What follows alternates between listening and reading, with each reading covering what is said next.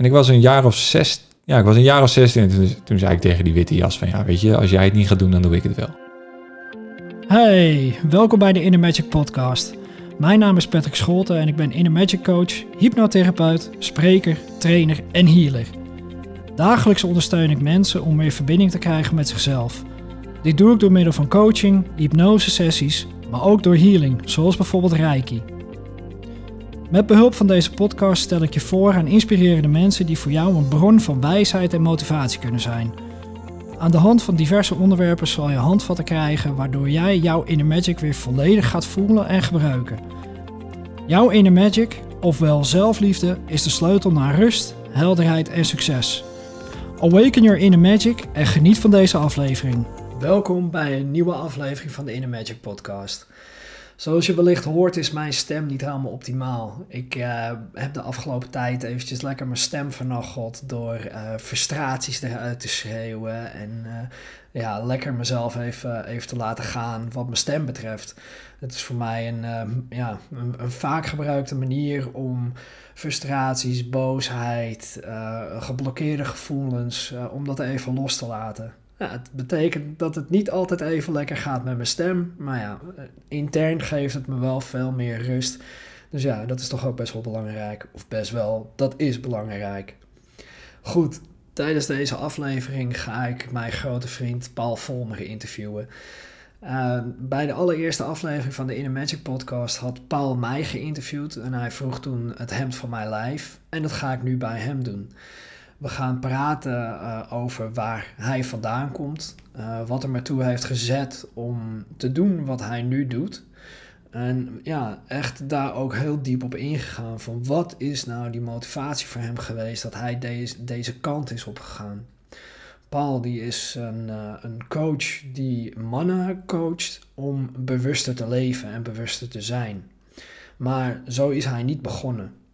Luister deze afleveringen en kom te ontdekken hoe Paul is begonnen en hoe belangrijk het allemaal voor hem is uh, om zijn missie te vervullen en, en wat zijn drijfveren zijn geweest.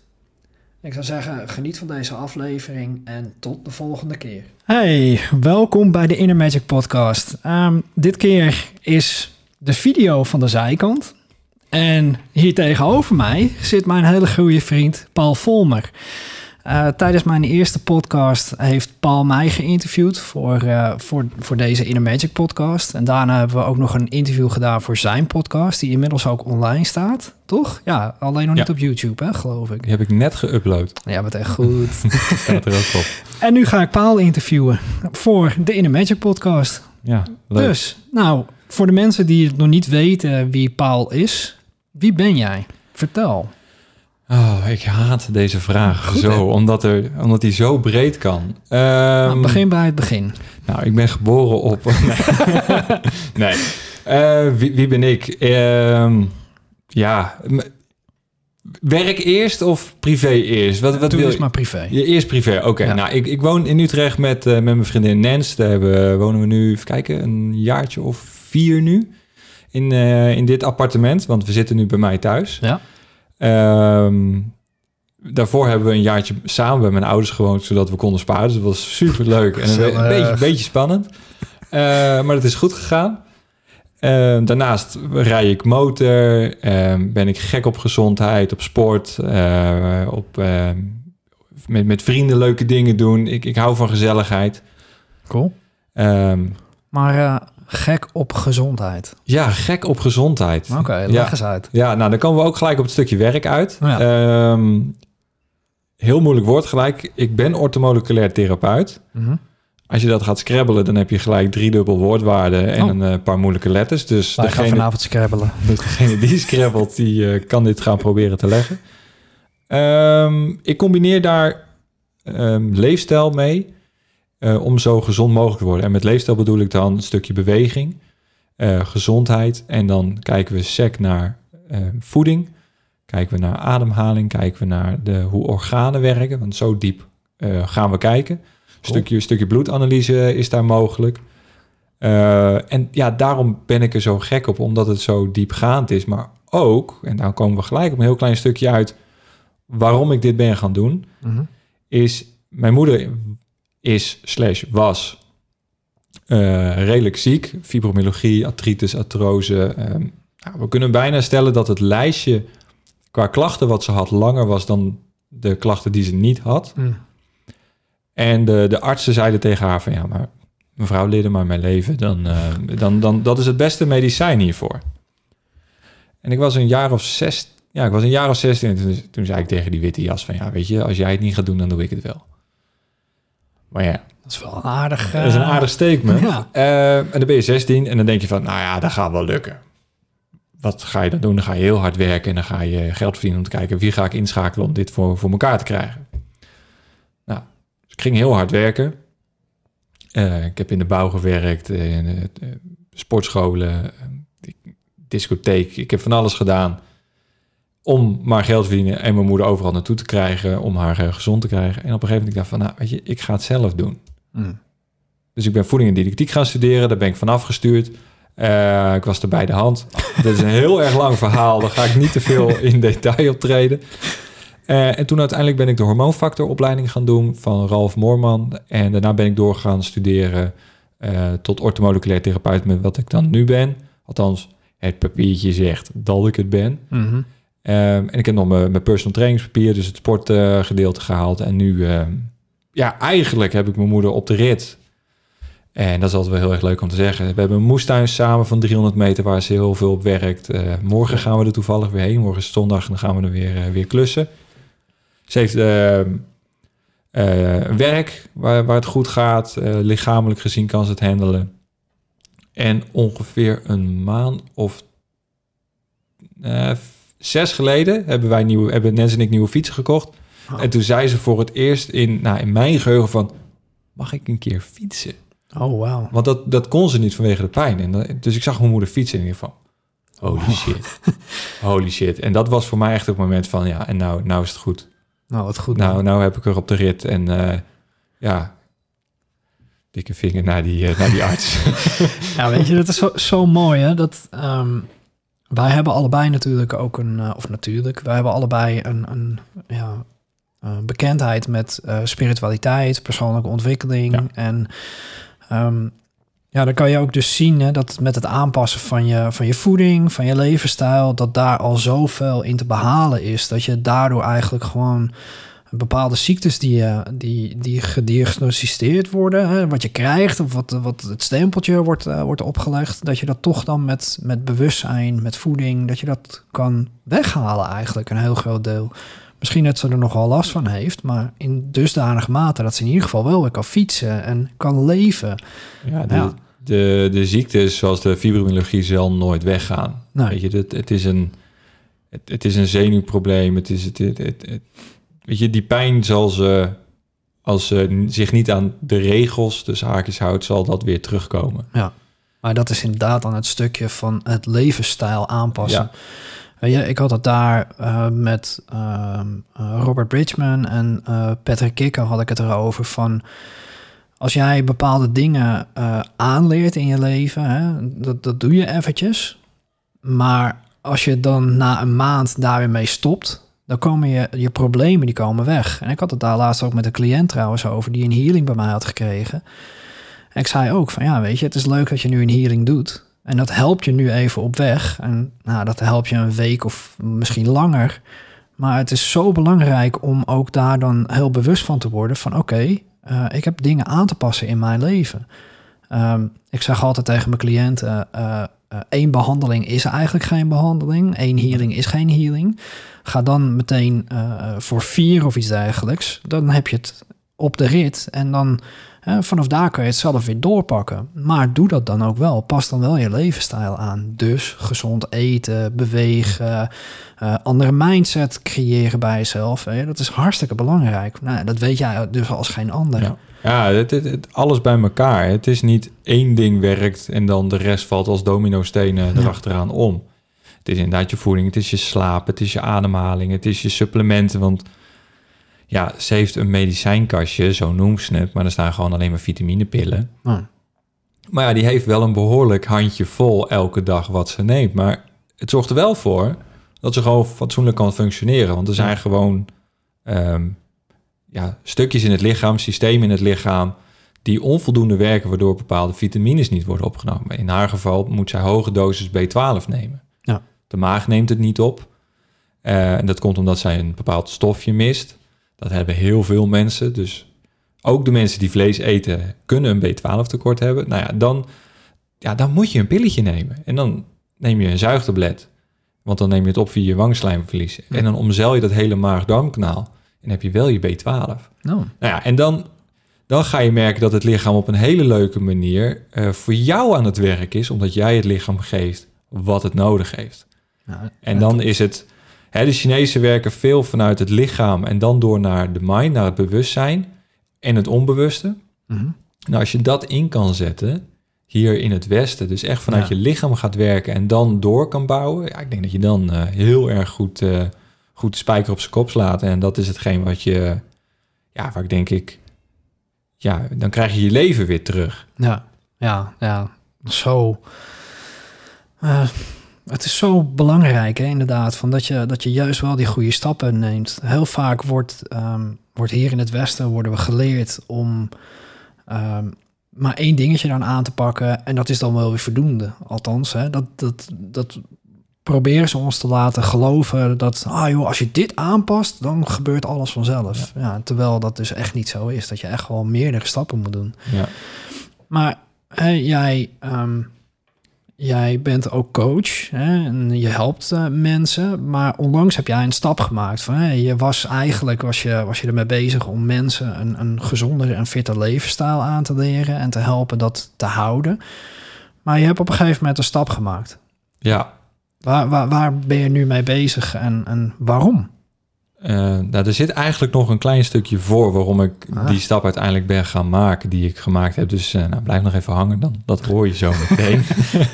Ehm, vroeger, toen ik een heel klein ventje was, eh, werd, ik, werd ik veel gepest. Hm. Ik heb al vanaf mijn vierde een bril.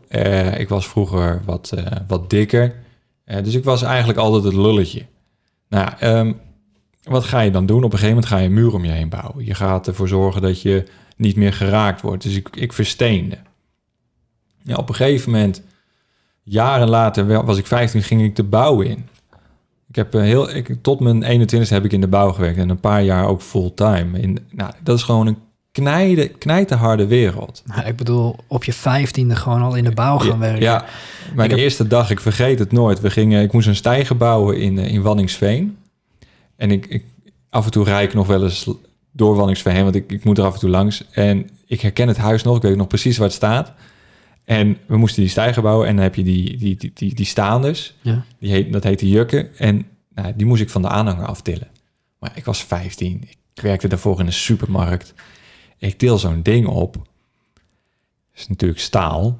Daarna, later hadden we aluminium. Dat scheelde gelukkig heel veel. Maar de eerste die ik op had was geen normale, maar was een 3 meter juk.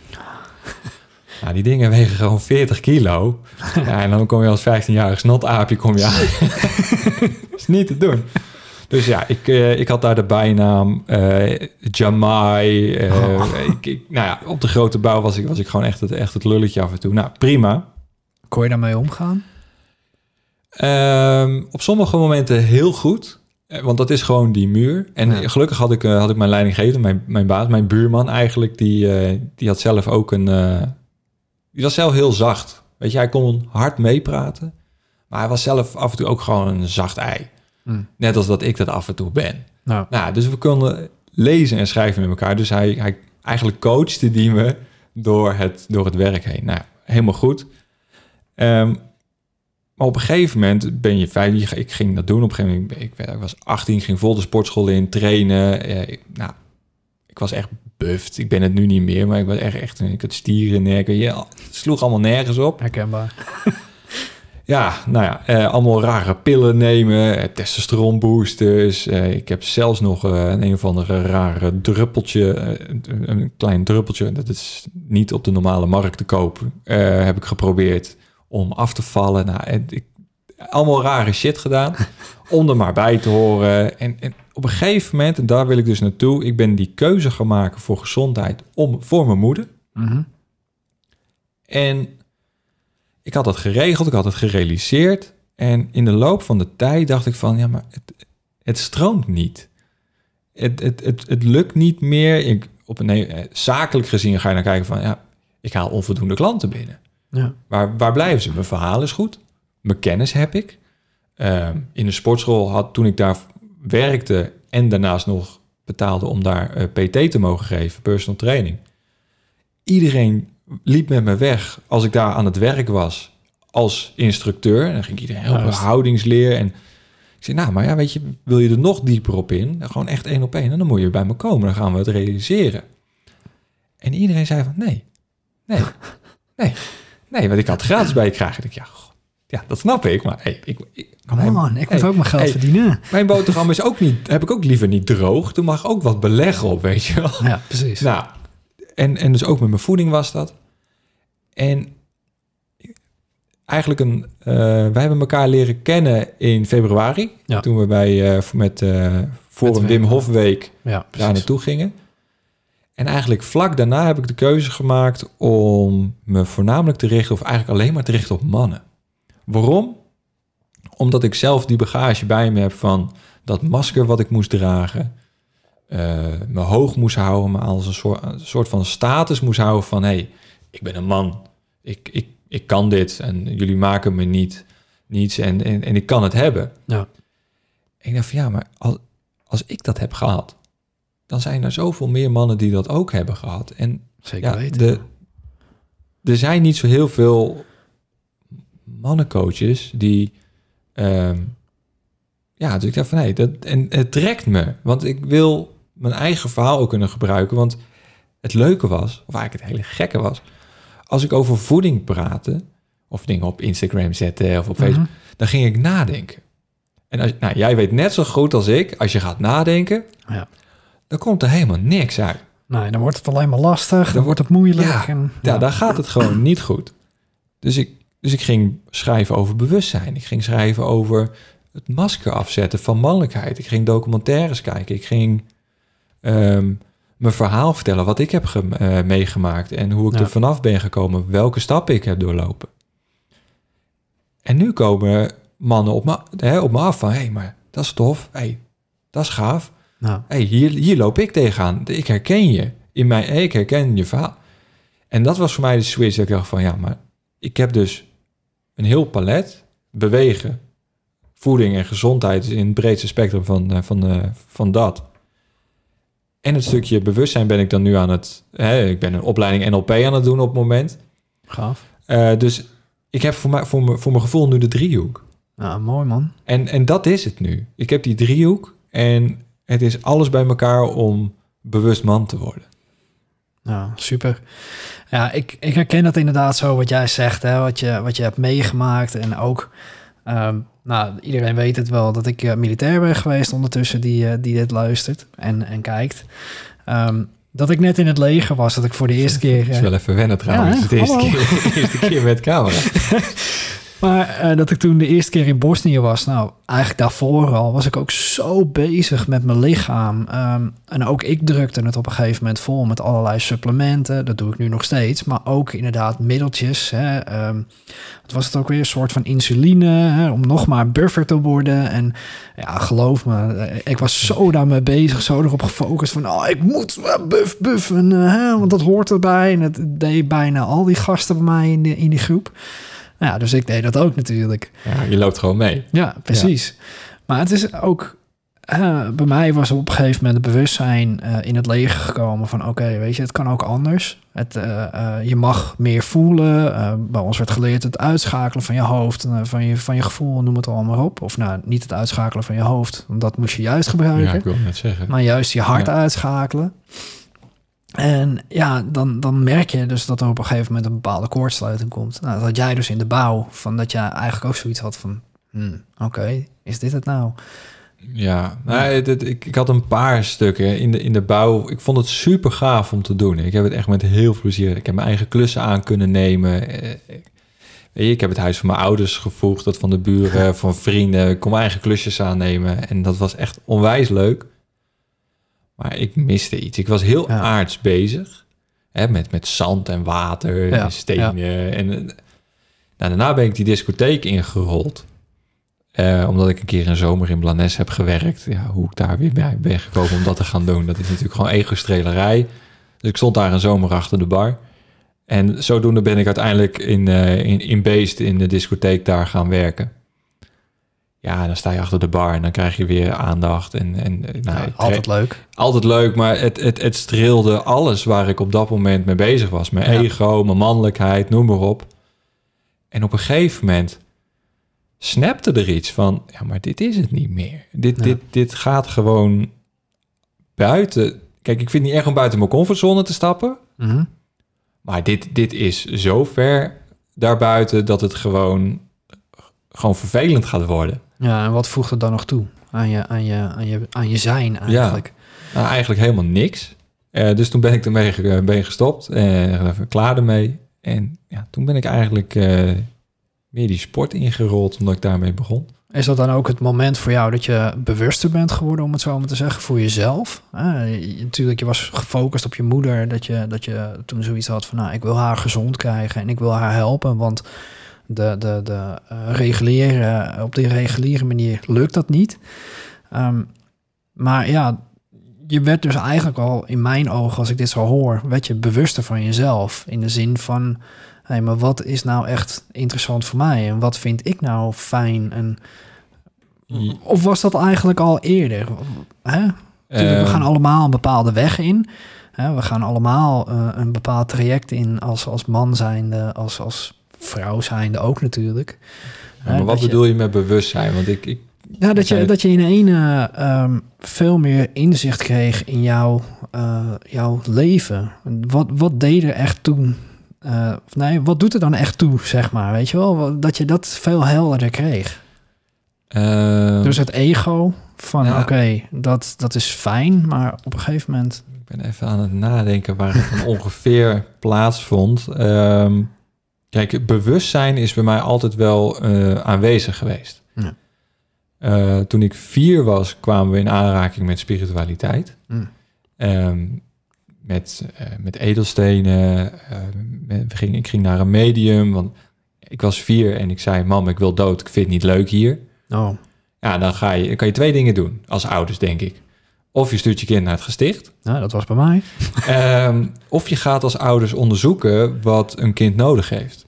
En mijn ouders hebben dat gedaan. Mijn ouders zijn op onderzoek uitgegaan van wat, wat heeft hij nodig? Mooi. En zodoende zijn we eigenlijk die wereld ingerold. Eh, dat we naar mediums eh, gingen, eh, paragnosten, healings.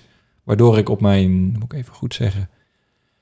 Volgens mij was ik 13 toen ik Reiki 1 deed. Wauw. En 15, ja, vijf, ik, weet- volgens mij twee dagen voordat ik 15 werd, haalde ik mijn Reiki 2 uiteindelijk. Dus ik was er eh, jong bij.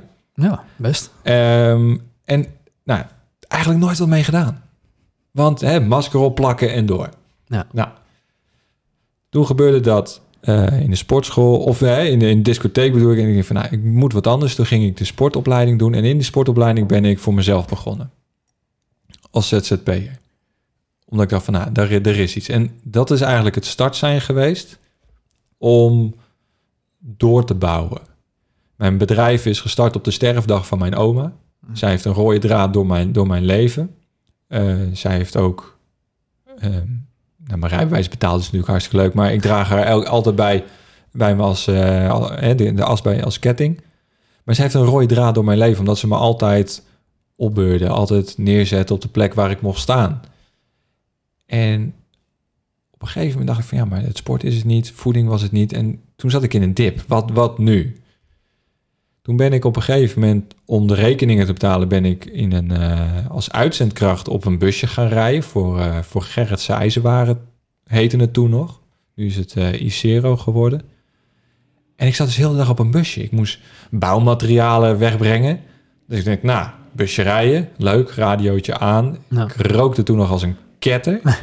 Daar ben ik nu vanaf, gelukkig, want ik vond, Goed het, vond het en te hypocriet worden en ik vond het niet goed voor mijn gezondheid. En nou, ook, Ja. ook een mooi verhaal. Ehm, ja, dus ik zat in die bus en op een gegeven moment, ik dacht, en Nens die had al mij een jaar daarvoor het boek Master Your Mindset van Michael Pelagic in mijn handen gedrukt. Zo van, ah, is goed, ga, ga maar lezen. Bewustwording, weet je, Mooi. mindset, kracht. Ik nou, neem ik dat boek mee. We gingen naar de sound, ik neem dat boek mee. Ik had twee, drie bladzijden gelezen. En ik dacht echt van, ja hoor, Jezus. Weer zo'n bekende Nederlander die weet hoe het werkt.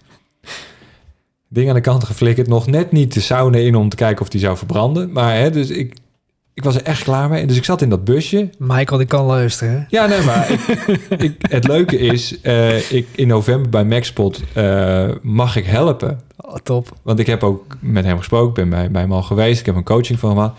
Ik ben om. Maar dat is dus het volgende punt. Ik reed dus in dat busje en ik dacht van, nou weet je, ik, die radio ken ik wel. Die nummers, die ken ik wel. Dus ik, ben, ik ging in één keer podcast luisteren. En ik begon met Master Your Mindset van Michael Pilacic. Juist. Waarom? Weet ik niet.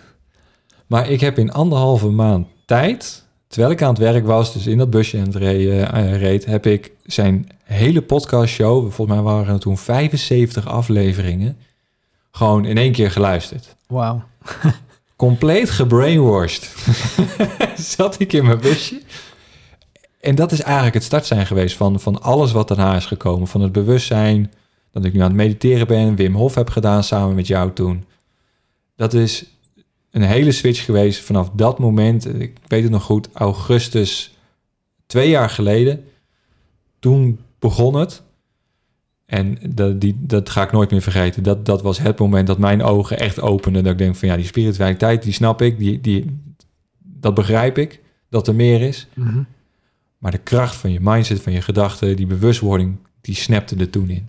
Nou, super. En op een gegeven moment, hè, daar hadden we het net over van, oké, je was dus bezig met eh, eh, mannen en vrouwen te helpen en nu lig je focus dus meer op de man. Ja.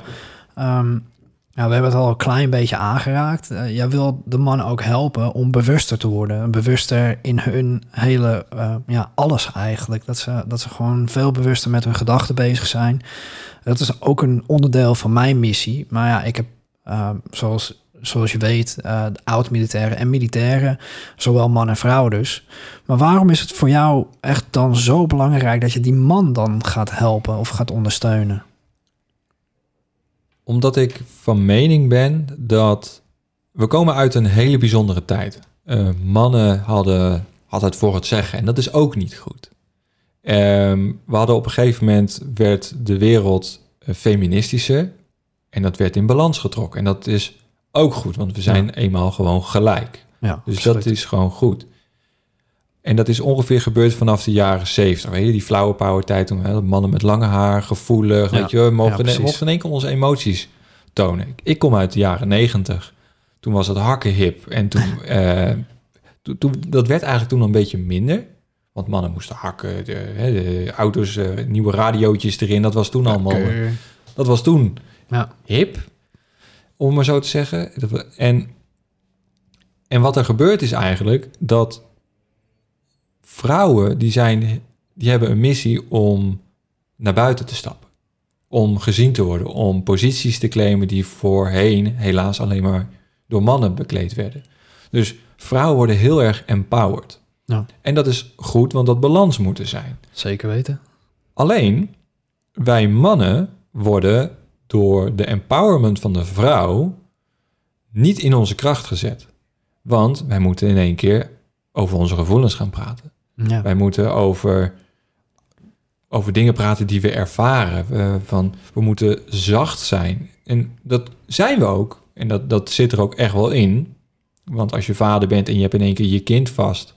dan gaat er waarschijnlijk iets gebeuren. Als ik mijn neefjes vast heb, dan smelt ik ook. Mm. Maar juist omdat vrouwen naar buiten moeten keren... of treden om, om in hun kracht te komen staan... mogen wij mannen juist meer naar binnen keren. Ons, ons gevecht, onze missie zit intern. Ja. Maar dat kennen we niet meer. Weet je, die zoektocht naar binnen... Kijk, jij en ik mediteren. Mhm. Ik lig s'avonds ook nog op mijn spijkermatje. Ehm, ook best wel grappig overigens. maar de meeste, de meeste mannen... En natuurlijk, er zijn altijd uitzonderingen... maar de meeste mannen die vinden dat eng om naar binnen te keren. Ja. Terwijl dat van nature in ons zit. Weet je, je waren, waren aan het jagen vroeger... en we zaten kringetje rond het vuur... stil te zijn, de dag door te denken. Ja. En dat is niet meer, want je komt thuis... je hebt geen moment voor jezelf... In één keer vrouw, kinderen, eh, opa's, oma's, tantes, weet iedereen wil aandacht van je, social media, maar het moment voor jezelf, even naar buiten, even En ik noem buiten even dus naar binnen. Ja. Dat is er niet meer.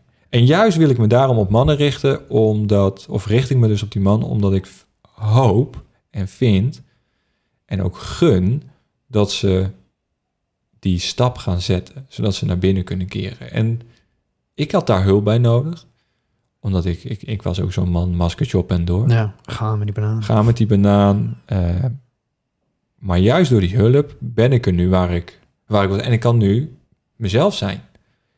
Met mijn zachte kant, met mijn harde kant. Want ik ga nog steeds met alles wat ik doe op de motor er naartoe. Mhm. Hè, toen we bij jou eh, waren, kwam ik ook gewoon met de motor. Als ik naar, Ja. naar, naar afspraken ga met, voor de podcast die ik doe... of naar, eh, naar, naar cliënt of klant, hoe je het wil noemen... ga ik ook op de motor. Dus Ja. ik doe dat stoere mannen ding wel. Maar daarna praat ik, terwijl we in het bos lopen... Ja, maar wat ging er toen in je om toen er dat gebeurde? Ja, dan ben je echt met het gevoel bezig. Dan ben je weer bezig met het gevoel. En het kan er beide zijn. Ja. Maar het moet wel in balans kunnen komen. Ja, en vooral dat, dat stukje balans. Ehm, persoonlijk merk ik met eh, eh, bijvoorbeeld relaties, liefdesrelaties, van dat het af en toe best wel zoeken is. In de zin van, ehm, eh, bij mij, ik heb daar toevallig vanochtend een, een, een bericht over geplaatst op, op social media. Van, ehm, ik heb nooit echt een goed voorbeeld gehad van hoe het is om echt man te zijn. Dus ik ben ook daar heel erg zoekende in.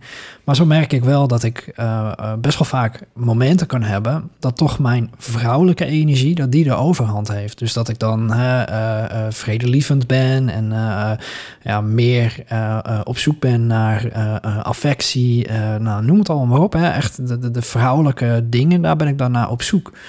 Maar ik merk dan dat er. ehm, eh, ik ben daar een boek over aan het lezen op dit moment. Dat is de, de, de kracht van een echte man. En ehm, daar staat ook zo, zo in omschreven van als jij een liefdesrelatie aangaat dat ehm, met een vrouw en die, die staat echt in haar vrouwelijke energie, dat eigenlijk om een goede dynamiek in de relatie te hebben, het belangrijk is om in je mannelijke kracht te staan. En als ik dat dan lees, dan denk ik ook echt van, ja, ja ik snap dat, maar fuck, wat is dat af en toe moeilijk? Ik bedoel, ehm, nou, wat ik al zei, van het voorbeeld dat ik heb gemist eigenlijk, dat ik ehm, eh, niet weet van hoe het echt is om je in je volle mannelijke kracht te staan. Eh, ik heb dat mezelf allemaal aangeleerd. Maar hoe is dat dan bij jou? Hoe heb jij dat dan? eh, hoe ervaar jij dat? Is dat voor jou ook een uitdaging? Of ja, zeker is dat een uitdaging geweest. Ook ik heb geen, eh, geen goed voorbeeld gehad. Ik had een afwezige vader. Eh, hij was er fysiek wel, alleen emotioneel niet. Hij was altijd aan, aan het werk en hij had zijn- eh, zijn kantoor of zijn werkruimte. Eh, we hadden een omgebouwde garage. Dat was, stond de wasmachine achter een kastje en noem maar op. Maar ook zijn bureau en mijn bureautje of het bureau van, van mijn zus en mij met, met een computer. Maar we zagen dus altijd alleen de rug van mijn vader. Die was altijd aan het werk. Ja. Dus ik heb ook niet echt een goed voorbeeld gehad. Dus mijn, mijn mannelijke rolmodellen waren op een gegeven moment de eerste echte mannen die ik leerde kennen. En dat was toen ik de bouw in ging. Ja. Dus dat was in één keer borst omhoog, ehm, ja, kut roepen en naar vrouwen fluiten. Hè? Want zo, zo ging het dan op de stijgers. Ja. Ja, eh, het strookte niet. En ik ben, ik heb laatst een boek gelezen en ik, eh, ik ben me daar echt in aan het verdiepen in de, in de vaderfactor. Ik Oh, vind ja. het echt super interessant. daar moet ik nog aan beginnen. Die heeft Paul mij ook cadeau gegeven. Echt, dankjewel nog daarvoor. Toch? Ja, dit is echt een fantastisch mooi boek. Ehm, en daarin wordt echt uitgelegd van wat een afwezige vader of een, ehm, of een perfecte vader eh, nou voor een kind kan doen. Mannen, vrouwen, hè, dat maakt dan niet uit. Maar de standaard van de man of van de vader wordt weerspiegeld naar zijn kinderen. En het heeft zowel plus als minnen. Mhm. Eh, want ik had een afwezige vader, maar ook een vader die vond dat ik moest altijd het, het maximale eruit halen. Ondanks dat hij zei dat het, weet je, als je je best doet, is het goed genoeg. Nee. Maar je voelt dan wel ergens van, ja, er zit een soort van lijntje, flinterdunne vlieslaag van, ja, maar eigenlijk, Paul, eigenlijk wil ik gewoon dat je op dat podium staat terwijl je die tenniswedstrijd speelt. Of, eh, ja, weet je, je bent gestopt met, eh, met voetballen omdat, ik, omdat je in de verdediging moet staan. Ja, ik snap dat je op het, hè, eh, de nummer 10 positie wil, ja, dan moet je beter leren rennen. Of je moet, moet afvallen, weet je wel, dikke vreedzak. Wij, hè, dat dat Ja. soort emoties heeft hij nooit gezegd, maar dat soort dingen komen wel binnen. Echt het prestatiedrang en echt... En dan kan je twee dingen op, twee kanten weer op. Je kan het of alles loslaten. En de uitwerking daarin is, is dat je in de maatschappij de, de ik noem het, ik stageer even, de hippies ziet. mhm. Ja. Dat is de totale opposite. Of ze gaan mee met die prestatiedrang. Ja, Maar in beide verlies je jezelf. Ja. Dus als je die vaderfactor eh, kan omkeren, in de zin van dat je het accepteert dat het probleem bij je vader ligt en dat je daaromheen kan werken. En er zijn hele mooie oefeningen voor, er zijn vragenlijsten voor om dat helder te krijgen. En dan krijg je vanzelf wel een muntje wat valt. En dat is gewoon heel erg tof. En die heling die dan plaatsvindt, binnen die vaderfactor, dus- de afwezige vader, in mijn geval heeft plaatsgevonden toen mijn zus eh, een kleine kreeg. Eh, nu zie ik mijn vader met mijn neefje van, van één nu. En ik zeg, oh, hij kan het dus toch wel. Is dat niet frustrerend voor je geweest? Nee, ik, nee, dat is juist heel helend geweest. Ik denk van, wauw, ja, hij had zijn tijd nodig om daar te komen.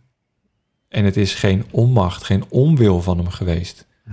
Maar het zat er op dat moment niet in, omdat hij, kijkend naar zijn vader, op, in diezelfde prestatiedrang lag. Ja, Want zijn vader was directeur van een, ehm, van, van, van, een, van een fabriek. Hij had daar eh, die, die had een goede baan. Nou, mijn vader die wilde daar tegen opboksen. Die wilde daar tegen opletten. Dus nadat ik dat boek ben gelezen en het zag bij mijn, bij mijn neefje, dacht ik even... Oh ja, oké. maar nou snap ik hem. Ja, ja en dat, dat is precies iets, hè, dat ehm, eh, je krijgt zoveel van dat soort dingen eh, mee. Ik bedoel eigenlijk te zeggen van, ehm, het is in ons leven is het heel vaak op prestaties gericht. Sorry. Ehm, dat het prestatiegericht is. ehm, ehm, maar ook zien we heel vaak in, in eh, de, de, de relaties met onze ouders, met onze vader, met onze moeder. dat het niet altijd even soepel verloopt. Uh, jij geeft dan inderdaad het voorbeeld van jouw vader keek naar zijn vader en daardoor kreeg hij dus prestatiedruk. Maar het kan ook zijn inderdaad, eh, als ik dan naar mezelf kijk. Mijn vader was een alcoholist, eh, had losse handjes en eh, hij had dan wel een baan. Maar het geld ging altijd op naar, naar drank, sigaret en noem het allemaal op. Hij was er niet voor mij. En ik, ben, ik heb dat een hele tijd heb ik dat vastgehouden. Echt dat gevoel van, nou ja, weet je, mijn vader is er niet voor me. Dus ik ben het niet waard en noem het allemaal op. Maar op een gegeven moment is het bij mij wel ik denk dat het hetzelfde nu met jou ook is, de bewustzijn erbij gekomen van hé, hey, maar wat is er allemaal in mijn vaders leven gebeurd? En ik denk dat dat überhaupt om uh, bewust man, bewust vrouw te worden, dat je op een gegeven moment gaat zien van hé, hey, maar oké, uh, mijn vader, moeder die heeft zo gereageerd naar mij, maar hoe komt dat? Doet hij of zij dat expres? Of als je realistisch gaat kijken van wat is er allemaal in zijn of haar leven gebeurd? Inderdaad van, hè, uh, jouw vader werd dan uh, getriggerd door, door zijn vader. Die heeft daar het voorbeeld van genomen en die voelde die prestatiedruk. Dat heeft hij naar jou toe ook gedaan, omdat hij dat geleerd heeft van, hé, hey, kijk, zo moet het. Zeker. Omdat hij dat dacht. Hè? Omdat hij dacht van, nou, dit is het beste wat ik voor mijn zoon kan doen, dus dan moet ik dat ook gewoon doen. Ja, en ik heb dan geleerd van mijn vader dat heel veel momenten, uh, als ik het lastig kreeg, dat ik dan maar moest gaan schreeuwen. Want ja, mijn vader deed dat ook. Maar ja, hè, wat ik dus eigenlijk zeg, van, ik, ik ben er wel op een gegeven moment bewust van geworden. En daardoor heb ik wel veel meer rust gekregen, ook in de situatie van, oké, okay, mijn vader deed ook maar zijn best. Ja, maar dat is niet, het. het was, ja, precies. Dat het, is het. Het was niet uh, het, het, het uh, meest gewenste gedrag, hè, wat ik had willen zien eigenlijk. Of nou ja, daar ben ik later natuurlijk achter gekomen. Maar ze doen ook maar hun best. Weet je, ze, ze, ze doen hun uiterste best om neer te zetten wat zij denken dat goed is, of wat in hun macht ligt. En ja, dat, hè, natuurlijk ligt daar voor, voor mannen en vrouwen ligt daar dan een, een ding van, we kunnen de hele tijd daarover hebben, uh, uh, van het is zijn of haar schuld, ik heb dat slechte voorbeeld gehad. En, maar, ja, ja, maar je kan er ook van leren. Precies. Als je het, op, als je het om kan draaien Zo van, oké, ik heb A meegemaakt.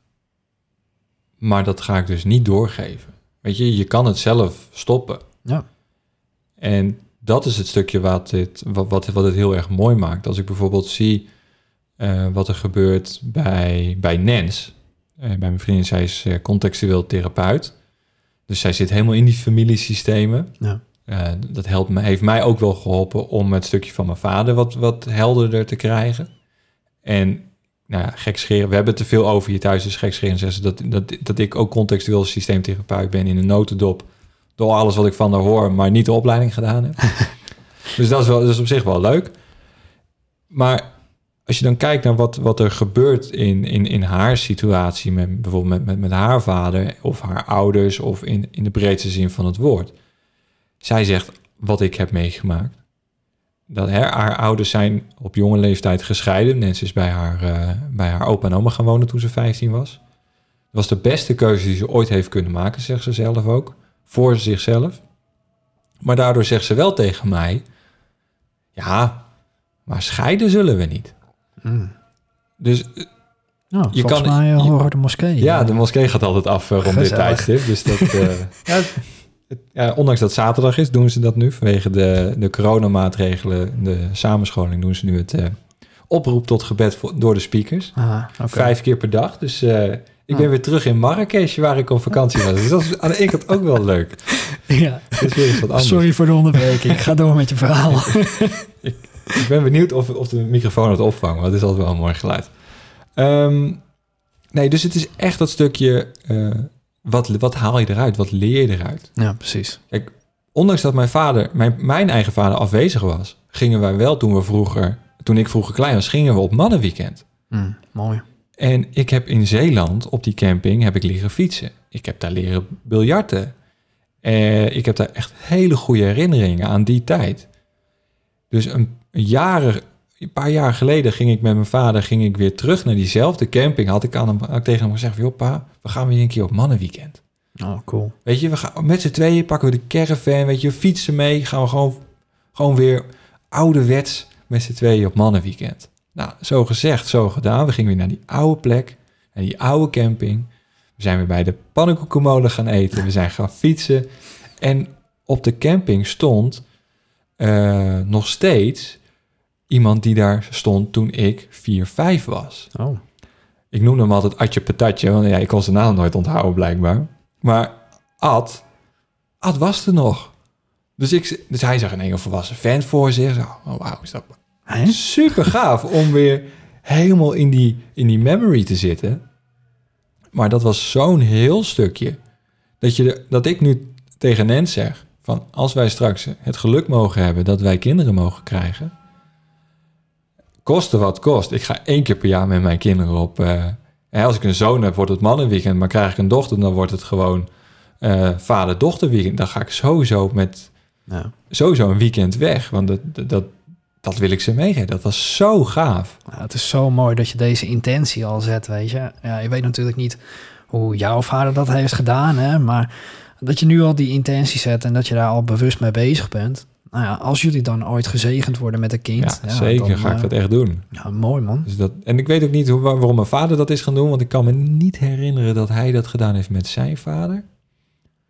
Dus Nou, misschien daarom juist. Ja. Weet je wel, misschien als dat zo was, dat, dat zijn vader dat niet met hem deed, had hij zoiets van, nou, dat net wil ik eigenlijk hetzelfde dus met jou. Van ja, maar ik wil dat dan nog wel toevoegen. Ja. Ik wil dat dan nog wel. Ja, dus je kan op elk moment kan je iets eh, stopzetten. Je kan elk moment kan je iets doen wat er toen ook was. Ja, precies. En zolang je maar blijft nadenken voor jezelf van... hé, hey, hoe was het voor mij? Ja. Welke lering heb ik eruit gehaald? Was het fijn? Was het prettig? Voelde het goed? Werd ik in mijn kracht gezet? Als dat allemaal zo is, dan moet je het overnemen. Ja. Was daar iets anders bij dat je denkt van... nee, ja, dat voelt niet goed? Tweak je het. Ga je, het- ga je het aanpassen. En dan weet je... oké, dan ga ik dit meegeven, want zo zou ik het hebben. Of fijn vinden. Maar het hoeft natuurlijk niet zo te zijn dat, dat dan je, je kinderen zeggen van... ah, nee pap, gouden peer, dat heb je echt goed gedaan. Inderdaad. En je zal het... Kijk, er is een perfecte situatie. En er zijn heel veel vaders die dat ook hebben en die dat ook doen. Volgens dat boek Vadervak heeft ongeveer 10 tot 15 procent. en dat vind ik best veel, ehm, heeft een perfecte vader. Nou, En dan perfect in de zin van hij zet zijn kinderen in zijn kracht. Hij is er op de belangrijke momenten. Hij zorgt ervoor dat, ondanks dat hij af en toe even uit kan vallen, omdat natuurlijk je doet altijd iets wat niet mag, nou, dat een kind altijd voelt van ik kan naar mijn vader terecht en hij zal me ook altijd helpen, wat er ook gebeurt.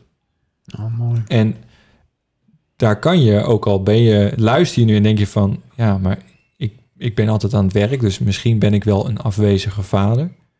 Je kan hem altijd omzetten. Ja. Je kan hem altijd ombuigen naar van, ik ga, de, ik ga nu mijn best doen. En het is niet een op, van de een op de andere dag dat dat gelukt is. Nee, precies.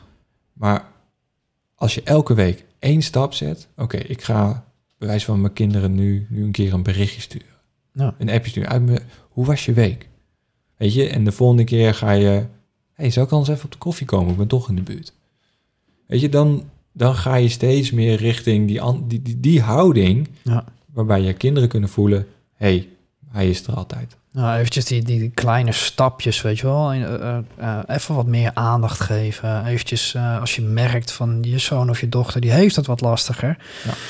Ja, geef even een schouder of eh, laat even weten dat je er bent. Eh, het is zo belangrijk voor kinderen. Ja, dat zeggen wij. Wij hebben niet eens kinderen. Nee. Maar toch, hè, dat inzicht hebbende van, ja, En dan is het ook maar de vraag, doen, we, hebben, we zetten een intentie. ja, Maar doen we dat ook op het moment dat we inderdaad zo'n kleine vast hebben en dat het Ja. ons eigen is? Kijk, ik ben van mening van wel. Maar het kan zomaar zijn dat je op dat moment zo in je oude patronen geraakt wordt dat je weer zelf die kleine jongen bent. ja, En denkt van, hé, hey, maar ik ben nu vader. En dat je dan in één keer oogklep op doet en alleen maar naar je vader aan het kijken bent. Ja. Hoe deed hij dat vroeger? En dan is het denk ik te, te hopen dat je eh, bewust kan zijn en kan blijven. Dat je dan in ene, eh, het hoeft niet altijd natuurlijk, hè, maar dat je dan in ene het moment hebt van, fuck, waar ben ik mee bezig? En Ja. dat je dan weer in jezelf kan keren en weer terug kan kijken van, oh, oké, ik had het wel even wat anders kunnen aanpakken. Weet je, we gaan altijd wel in een, in, in een red race mee. Ehm, ik was ehm, 2019 eh, eh, ging het slecht met mijn moeder. Eh, mijn moeder die is toen ook overleden. En ik merkte op een gegeven moment, doordat het slecht ging met mijn moeder, was ik daar zo mee bezig dat ik heel veel dingen allemaal heb laten vallen. Eh, heel veel gezonde dingen, eh, eh, bewustzijn, nou, noem het allemaal maar op. En dat heb ik allemaal laten vallen, omdat ik gewoon zo gefocust was op mijn moeder. Maar daarna, nadat ze was overleden, toen was het in ene van, wow, wat heb ik gedaan? Toen kwam het bewustzijn in ene bij mezelf binnen van, oh ja, ik heb mezelf heb ik weggecijferd en ik heb ook andere dingen heb ik laten vallen. En ik ben daar weer bewuster van geworden en ik ben daar weer op een bewuste manier mee omgegaan. En toen ben ik gaan realiseren van, oh ja, ik heb nog altijd een keus om dus het anders aan te pakken. En dat is waar we het eigenlijk dan ook over hebben, van... ehm, Zolang jij bewust bent, en dat, dat, dat zijn we echt niet altijd allemaal op elke moment, maar wanneer je die bewustzijn wel weer hebt, heb je altijd een keus om het anders te doen. Op welke leeftijd dan ook en op welk moment dan ook. Als jij op, op een moment in ene zoiets hebt van, oh, waar ben ik mee bezig? Pak dat aan en ga er dan mee aan de gang. Ja. Absoluut. Weet je, ik ben het helemaal mee eens dat je zegt van ja, je hebt altijd een, altijd een keuze. Is altijd een andere manier. Maar ik denk dat daar ook nog twee dingen voor liggen. Want als je een keuze kan maken, heb je. Nens is eh, binnen. Hoi Nens. La, laatste boodschapjes of zo, weet ik wel wat ze leggen. Ehm, nee, kijk, dat, ik denk dat daarvoor nog twee dingen liggen. En dat is eh, omdat je altijd in een dialoog bent met iemand. Mhm. Of met jezelf. Eh, maar als we kijken naar, naar je vader, in dit geval het contact met je moeder. Het wereldbeeld van de ander, als je die accepteert, Ja. dan, en je kan jezelf in, in die persoon verplaatsen, dan, dan begrijp je hem misschien of haar. Ja. En dan kan bij jou ook een andere keuze plaatsvinden. Je kan op dezelfde manier blijven reageren. Je kan er vol gas tegenin gaan. Of je gaat kijken, wat, wat kan ik eruit uit meenemen? Ja. En wat wil ik laten liggen? Het andere stukje wat er nog voor ligt, ook al begrijp je eh, het stukje van de ander, wat natuurlijk fantastisch is, de intentie van de ander is ook altijd goed. in zijn of haar ogen. Ja, precies. Want als je, en we kunnen het allemaal wel veroordelen wat een ander doet, maar in het handelen van die persoon uit is het een goede zet. Ja. En denkt hij dat hij, het, dat hij het fantastisch doet en dat er geen andere mogelijkheid is. Dus de intentie is goed. Het gedrag kan je misschien afkeuren. Ja. En ik denk dat die er nog voor liggen. Want vaak herleiden we de keuze uit het niet begrijpen van het wereldbeeld van de ander. Of dat we niet inzien, en dat is best een leerproces, de ander doet dit met de beste intenties. Ja, ja absoluut. Omdat hij geen ander, ander referentiekader heeft dan, ja, maar dit is, dit is hoe het hoort. Ja. Dit is, dit is wat, wat klopt. Ja, inderdaad. En dat is precies ook ehm, ja, eigenlijk net hè, wat, we, wat we al aanhaalden met van eh, vader. Eh, vader die heeft ook maar zijn best gedaan. En hij probeert het ook door te geven aan jou of aan mij. Ja, weet je. ehm, het is altijd wel inderdaad. Het is lastig, want wij allemaal, wij, wij mensen hebben eh, eh, behoefte ook aan erkenning, herkenning, liefde en noem het allemaal op. En dan ook nog erbij stil te staan van, ja, maar oké, ik krijg dat nu niet van die ander. Maar is dat dan omdat hij of zij eh, niet van mij houdt? Of wat is gaande bij, bij, bij de, de persoon waarvan ik dat verwacht? Wat, wat gebeurt daar? oh? En inderdaad, als je steeds bewuster bent, dan gaat het op een gegeven moment eh, automatisch eigenlijk wel. Eh, bij mij gaat het ook niet altijd even goed, maar ja, ik heb wel vaak genoeg van die momenten inderdaad dat ik dan zoiets heb van, oh ja, maar wat gaat er dan bij hem of bij haar? Wat gebeurt er? Waarom reageert hij of zij zo? Dan hoef ik dat niet helemaal uit te pluizen natuurlijk, maar ja, Ja. Dat, dat, dat creëert wel ruimte in jezelf ook. Ja, ik heb toevallig eh, van de week een, eh, een podcast opgenomen voor mezelf. En daarin heb ik ook benoemd van hey, de kaart is niet het gebied. En wat ik daarmee wil zeggen is, ehm, stel je hebt een landkaart van Nederland voor je, dan is dat een plaatje. Ja. Maar als je erin gaat staan, is dat niet dat wat je ziet. Want hè, als ik nu uit het raam kijk, ik zie appartementencomplexen, ik zie een nieuw gebouw wat ze uit de grond hebben gestampt, ik zie wolken. Staat niet op de kaart. Weet je, dus als je dat ook in de relatie met een ander of in een gesprek met een ander of een handeling van een ander doet, eh, het is niet wat diegene. Kijk, hij laat iets zien, maar Ja. daar ligt natuurlijk ook weer wat onder. En dan is het bij jezelf natuurlijk afvragen, ja, hoe ga ik erop reageren? En dat, dat is en een keuze, maar ook je gedachte. Want Ja. je gedachte bepaalt uiteindelijk het resultaat of de actie die je gaat doen. Ja, absoluut. En als je een beetje die stappen kan volgen, het heeft mij wat tijd gekost. Ehm, althans, vind ik zelf. En sommigen zeggen dat ik er nog voorbij ben. Maar hè, zo, ik vind dat het lang, lang heeft geduurd. Ehm, als je, maar als je die stap een beetje door gaat hebben, dan kan je op een andere manier ook gaan, gaan, gaan handelen, gaan realiseren van hé, hey, wat nou als ik het zo ga doen? Wat nou als ik een andere gedachte ga krijgen? Want als ik een andere gedachte heb, gaat mijn resultaat ook anders zijn. Ja. En dat stukje, dat, dat vind ik wel eigenlijk misschien nog wel het, het meest interessante aan hetgeen wat we net al besproken hebben van de gedachte zit voor de actie. Maar wat denk je over de situatie waar je op dat moment in zat?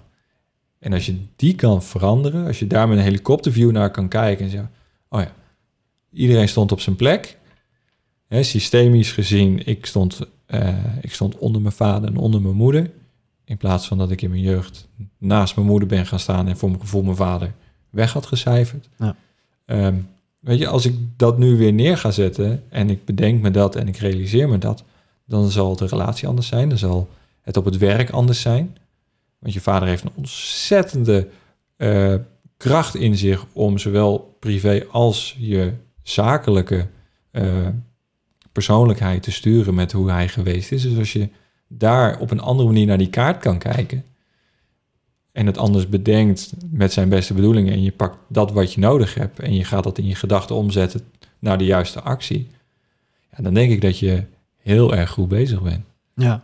ja, maar inderdaad, wat je ook zegt, van, ehm, het komt niet vanzelf. Het Nee. heeft echt wel wat, wat tijd en wat moeite nodig. Nee, het is niet als Aladdin over die lamp wrijven en je hebt drie En, mensen.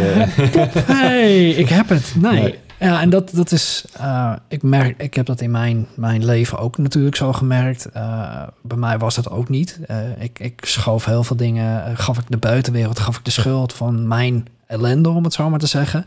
En ja, dat, dat, dat word je op een gegeven moment word je er ook bewust van. Hey, van dat werkt gewoon niet zo. Maar dat heeft gewoon tijd nodig. En jij en ik zijn natuurlijk wel mensen. eh, wij, wij, wij proberen anderen te ondersteunen om juist het proces wat te versnellen. Dat ze iets meer, eh, eh, meer handvatten krijgen, meer, meer ondersteuning. En bij jou is dat nu dus jouw focusgroep, de mannen, om die te helpen van nou, hè, te kijken van jongens, dit heb ik meegemaakt. Oké, ik ben nog een, een, een jonge vent, maar ik heb wel heel veel levenservaring en ik heb inzichten gekregen. En daardoor kan ik jou misschien dan een shortcut geven om, hè, of nou ja, een shortcut, dat klinkt, klinkt ook weer een beetje, hè, in ieder geval wat handvatten geven om, om, om wat meer die, die, die weg in te gaan en met vertrouwen in plaats van met Ja. angst. Ja, vooral dat vertrouwen is heel erg belangrijk om dat, eh, om dat, dat goed te hebben. En ook wel een heel erg mooi punt wat er het afgelopen jaar is gebeurd toen wij in Polen waren.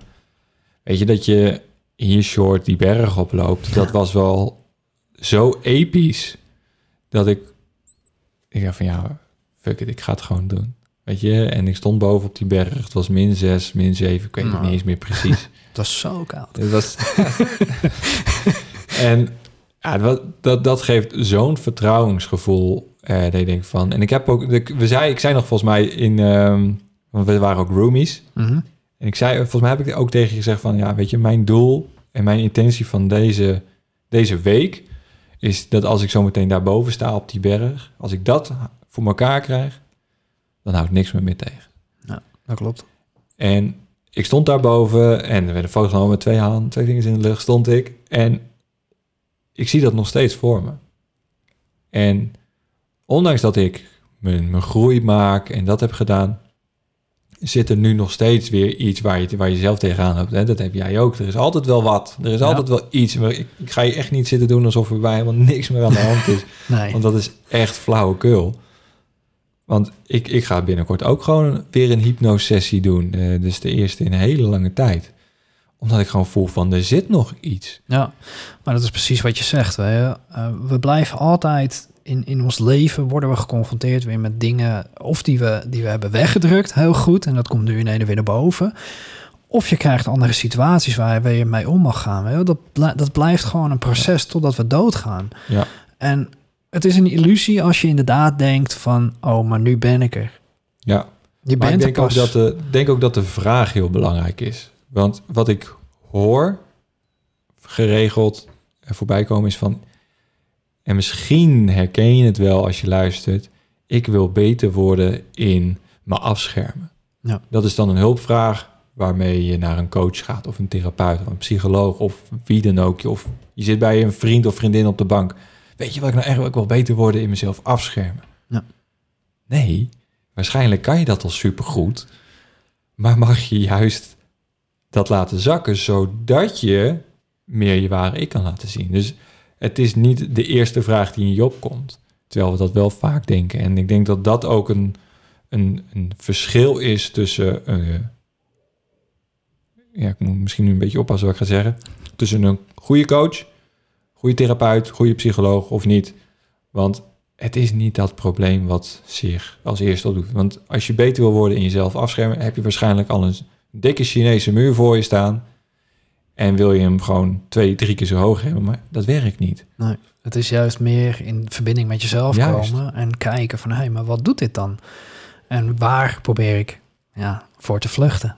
Absoluut. Ja. Waar, want juist die vlucht waar je van weg wil, daar ligt jouw grootste groeipotentieel. Ja, precies. En als je die, ondanks dat het lastig kan zijn, ondanks dat het, eh, en dat zeg ik eigenlijk niet goed, want ik moet eigenlijk zeggen dat is nog niet zo makkelijk. Ja. Want het woord niet herkennen we niet, dus dan wordt het makkelijk.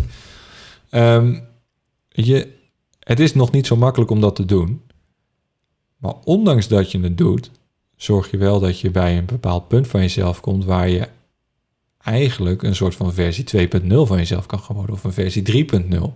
Ja. En hoe tof zou het zijn als je straks, misschien over een jaar of over twee jaar, en je hebt je doelen gesteld en denkt van, nou, die wil ik vanaf, dat wil ik aanpakken, dat wil ik bereiken. Ik wil voor mezelf beginnen of ik wil, eh, hè, zoals ik een roadtrip door Europa maken op de motor. Als ik dat gedaan heb en dan ga ik ook door mijn pijnpunt heen, want dan ben ik en alleen, want Hens mag niet mee. Ehm, ander pijnpunt. Ik heb een nieuwe motor nodig. Want op de huidige motor die ik heb, ga ik dat niet voor elkaar krijgen. Want dan heb ik geen kont en geen rug meer over. Nou, handig. Dus ik heb een nieuwe, nieuwe motor nodig. Dus ik moet en veel geld uitgeven. En ik ben lang alleen. Dus ik ga mezelf heel hard tegenkomen. Waarschijnlijk wel. Maar dat is alleen maar mooi. Ja, maar als me dat me tegenhoudt, wat, wat ontneem ik mezelf? En Ja. ik denk dat dat het stukje is. Wat ontneem je jezelf als je bepaalde acties niet verricht omdat je denkt dat je het niet gaat halen of niet gaat bereiken of wat dan ook. Want dan zit je weer in het punt van je gedachten bepalen je resultaat. Ja. Ja. Ik denk dat dat hem is. Tenminste, Mooi. voor mij werkt het op die manier. En dat kom ik steeds weer achter. Hè, dat, dat is hem. Ja, ik ben het ermee eens. Absoluut. Mooi man. Dus zet een doel. Maak een planning. Zorg ervoor dat je er door alle shit heen gaat. Eh, want juist buiten die comfortzone, daar zit je groei. En dan, eh, dan, dan is eigenlijk niks meer, niks Hmm. meer niet mogelijk. Nou, mooi gezegd. Heel mooi. nou, we hebben nog een paar minuten. eh, nog ongeveer nou, vijf minuutjes ongeveer. En dan hebben we alweer een uur zitten lullen. Mhm. Klopt het ook met jouw timing? Ja, Of, klopt eh, ook met mijn ja? timing. Zeker, ja. We zitten hier met twee laptops. eh, Paul die neemt de audio nu op en ik doe de video. dus, maar ja, ja, wat, ja, jij wil dezelfde mat- materiaal als wat ik heb uitgekozen voor een podcast. En een andere mastermind van ons, die, heeft dit, die wil dit ook gaan hebben. Dus ja, Ja. mijn apparatuur, Patrick de video. ja, Dus het is eh, een mooie digitale wereld hier nu. Dus dat is wel leuk. ja, geweldig. Lang leven de techniek. Voor de mensen Maar- die alleen audio hebben nu denken, waar hebben ze het Oh, over? waar hebben ze het over? Ja, nou ja, kijk dan op YouTube, dan zie je het. Ehm, wat, wat zou je nog mee willen geven aan mijn luisteraars? Wat, wat, wat is voor jou echt belangrijk om aan, aan hun mee te geven? Ja. En ik, ik wil het dan niet specifiek alleen hebben naar de man. Hè, want eh, voor jou is het zowel de man als vrouw eh, die eh, in het leger heeft gediend of nog steeds daar dient. Alvast dank je wel daarvoor. Ik ben blij dat ik het niet heb hoeven doen. Ehm, maar wat wil ik je meegeven? Ehm, blijf bij jezelf. Voel bij jezelf wat, wat bij jou past. En dan laat je niet leiden door dat wat er gezegd wordt tegen je of tegen of wat je hebt meegemaakt. In de zin van, en dan heb ik het niet over de uitzendingen, maar hè, wat je in je jongere jaren hebt meegemaakt, laat je daar niet toe leiden. Want juist het stukje dat je daaruit kan groeien is aanwezig. Als je jezelf ziet als een blanco pagina elke dag weer. En je, je mag je eigen boek gaan schrijven, je eigen levensboek. Eh, misschien is het ook wel een mooie opdracht voor je. Weet je, ga een dagboek bijhouden. Ehm, en schrijf op wat je, wat je fijn vindt, wat je niet fijn vindt, wat je wil veranderen, wat je absoluut wil houden. Eh, zet je doelen. En, en maak daarvoor een, een, een planning, zo globaal mogelijk. Dat, dat, eh, de diepte kan altijd nog. En start. Nou, vooral dat. Gewoon start. En, en weet je, ga tien keer op je bek en sta elf keer op. En als je elf keer op je bek gaat, sta je nog een keer op. Want mislukkingen bestaan niet. Je krijgt alleen maar feedback. Ja. En ik denk dat, ja, dat is denk ik hetgeen wat, wat ik mee wil geven, is kom in actie. Want juist door, want elke actie geeft resultaat. Dus ga je ook een ander of een verhoging van je potentieel bereiken. Ga je daarna nog meer eh, vernieuwde en verbeterde acties doorzetten, ga je nog meer geloven in jezelf. En juist door dat geloof groeit je potentieel weer, want je denkt, eh, kan het? En zo, zo maak je die cirkel rond. Dus start gewoon, leer van je fouten, ga door, geef niet op. En desnoods, hoe lastig het misschien ook kan voelen, schakel iemand in die je kan helpen. Ja. Want jij hebt het gedaan en je bent er een betere vent van geworden. Absoluut. Ik heb het gedaan. Ik ben er ook een betere vent van geworden. En zo heb ik heel veel mensen om me heen die er beter van zijn geworden. Het is. Je hoeft je niet te schamen voor Nee. om hulp te vragen. wa- Want dat is in deze maatschappij misschien nog wel een heel groot ding wat speelt. Schaamte om het niet alleen te kunnen doen. Ja, en precies ook bij, eh, bij het leger. Hè, da- daar is Ja. geleerd van, ja, kom op met je e- emoties, dat kan niet. Maar juist, hè, inderdaad, van het is oké. Ik was uh, 18 of zo, toen dat ik uh, al merkte van hey, het gaat niet goed met me. En toen ben ik zelf, uit mezelf, ben ik naar de psycholoog toegestapt. En nou, dat werkte niet, dat wereldje. En toen ben ik later ben ik de, de alternatieve geneeswijze op gaan zoeken. Nog een heel verhaal, maar het is doe het gewoon. Als jij hulp nodig hebt of, of ondersteuning, uh, je kan het niet alleen. Het is oké. Het mag. Weet je, stap gewoon naar iemand toe die je vertrouwt. Neem bijvoorbeeld contact op met Paul of neem contact op met mij. Ja, Weet je, zeker. doe het. Uh, het is oké. Uh, wij, hebben, wij hebben het ook niet allemaal alleen gedaan. En wij, wij zijn ook nog steeds bezig. We probeerden het wel, maar het lukte niet. Nee, nee inderdaad. Er kwamen, ik ben mezelf tegengekomen. Paul is zichzelf tegengekomen. Paul uh, uh, die, die krijgt zometeen ook nog uh, hypnosessies. Van mij krijgt hij een, een healing. En zo krijg ik dat ook van andere mensen. Ik krijg ook healings van anderen. Ik krijg ook sessies. Nou, noem het allemaal maar op. Je. Dat, het is zo belangrijk om daar ook bewust mee om te gaan. Uh, geef jezelf die aandacht en geef jezelf die liefde. Het is oké, okay, het mag. Ja. Paul. Ja. Ik vond het echt een geweldig interview al. Maar ik denk dat misschien heel veel mensen zoiets hebben van... Ah, die Paul Vormer, dat is wel een, uh, wel een toffe gozer. Ik wil eigenlijk meer van hem te weten komen. Ja. Uh, ik weet natuurlijk dat jij met een aantal dingen bezig bent. Er gaat een webinar weer aankomen van ja. jou. En nou, er komen heel veel toffe dingen aan. Ja. Waar kunnen mensen jou primair vinden? Wat is de belangrijkste plek waar ze je kunnen vinden? Uh, nou, sowieso de website paulvolmer.nl. Uh, dat is main, denk ik. Maar ja, ik deel op Facebook en op Instagram eigenlijk elke dag wel, wel inspirerend, althans ik vind inspirerend, uh, inspirerende dingen over man zijn, bewustwording, gezondheid. want dat neem ik, dat sla ik natuurlijk niet over. sport. Dus daar deel ik alles. En dat is uh, op Instagram, Paul Volmer. En op Facebook, uh, moet ik even goed kijken, Paul Volmer Coaching. Daar, kunnen, daar kan iedereen me op vinden. Oké. Okay. En uh, ja, er, er komen hele toffe dingen aan wat je zei. binnenkort een webinar. Word de superheld van je eigen leven. Dat is wel een... is de tweede keer dat ik hem ga geven. Dat is heel erg leuk. Cool. Um, ja, er, komen, er komt nog een online programma komt eraan. En de, nou. ja, ik er, komt gewoon echt heel veel content aan, heel veel gave dingen. En dus ja, zeg je van, nou, vind ik gaaf. In ieder geval volg me, dan blijf je op de hoogte. Ja, precies. Ga Paul volgen en inderdaad uh, schrijf desnoods in voor de webinar. En ja, hou hem in de gaten. Hij doet echt hele mooie dingen. Paul, Dank je. dankjewel man voor dit gave interview. Dankjewel dat we jouw apparatuur even mochten gebruiken ja. voor de audio. Ja, maar zometeen lekker avondeten, toch? Ja, precies. Gewoon lekker even eten en gezellig een avondje ervan maken. Nou, mensen, ik wens jullie een hele fijne dag en avond verder. En uh, ja, leven in liefde en licht. Ja, en tot de volgende keer. Mooie avond. Hoi. Hoi. En dat was de aflevering van deze keer.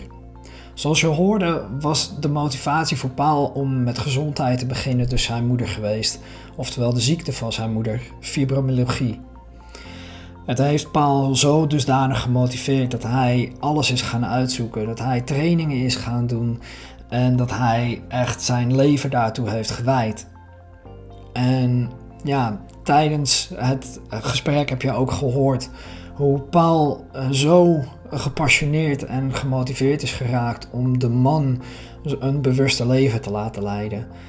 Hij heeft laten, laten zien en laten, laten horen hoe belangrijk het voor hem is dat hij, net zoals zichzelf, de mannen kan, kan ondersteunen om sneller te komen uh, tot een bewuster leven en, en een fijner leven. Ik hoop dat je hebt genoten van deze aflevering. En ja, nogmaals, uh, mocht je iets meer willen weten van, uh, van Paul Volmer, zoek hem op op zijn website paulvolmer.nl. Ik, in de omschrijving van deze podcast zal ik ook alles erbij zetten, of zijn website. En nou, hij geeft Um, of hij, nou inmiddels, uh, ik uh, neem deze outro neem ik op op, uh, op donderdag 25 juni. vanavond is dan ook zijn, zijn webinar. Ehm, maar ja, deze aflevering die komt pas zondag online. Dus als je dit hoort, dan is de webinar al geweest. Wellicht dat Paul die, die nog gaat, gaat herhalen of dat hij nog de replay online zit. Ehm, zo niet, dan zou ik even goed contact opnemen met Paul om in ieder geval hem beter te leren kennen en bij hem een gratis intakegesprek aan te vragen. Wil je meer te weten komen over mij en wat ik dan precies doe? Bezoek mijn website op patrickscholten.com. Je kan daar een gratis helderheidssessie aanvragen onder het uh, minuutje gratis. Uh, met zo'n helderheidssessie geef ik je de optie om of telefonisch of via een videoverbinding in contact te komen met mij en eventueel te sparren over een uh, bepaald onderwerp waar je mee zit of ja, waar je eventueel op de langere termijn aandacht aan wil geven. En dat wij dat samen kunnen, kunnen gaan, gaan ja, verhelpen of um, jou in ieder geval meer ruimte te geven. Ik zou zeggen, geniet van je dag, geniet van je weekend en ik wens je onwijs veel liefde en licht toe. Tot de volgende keer.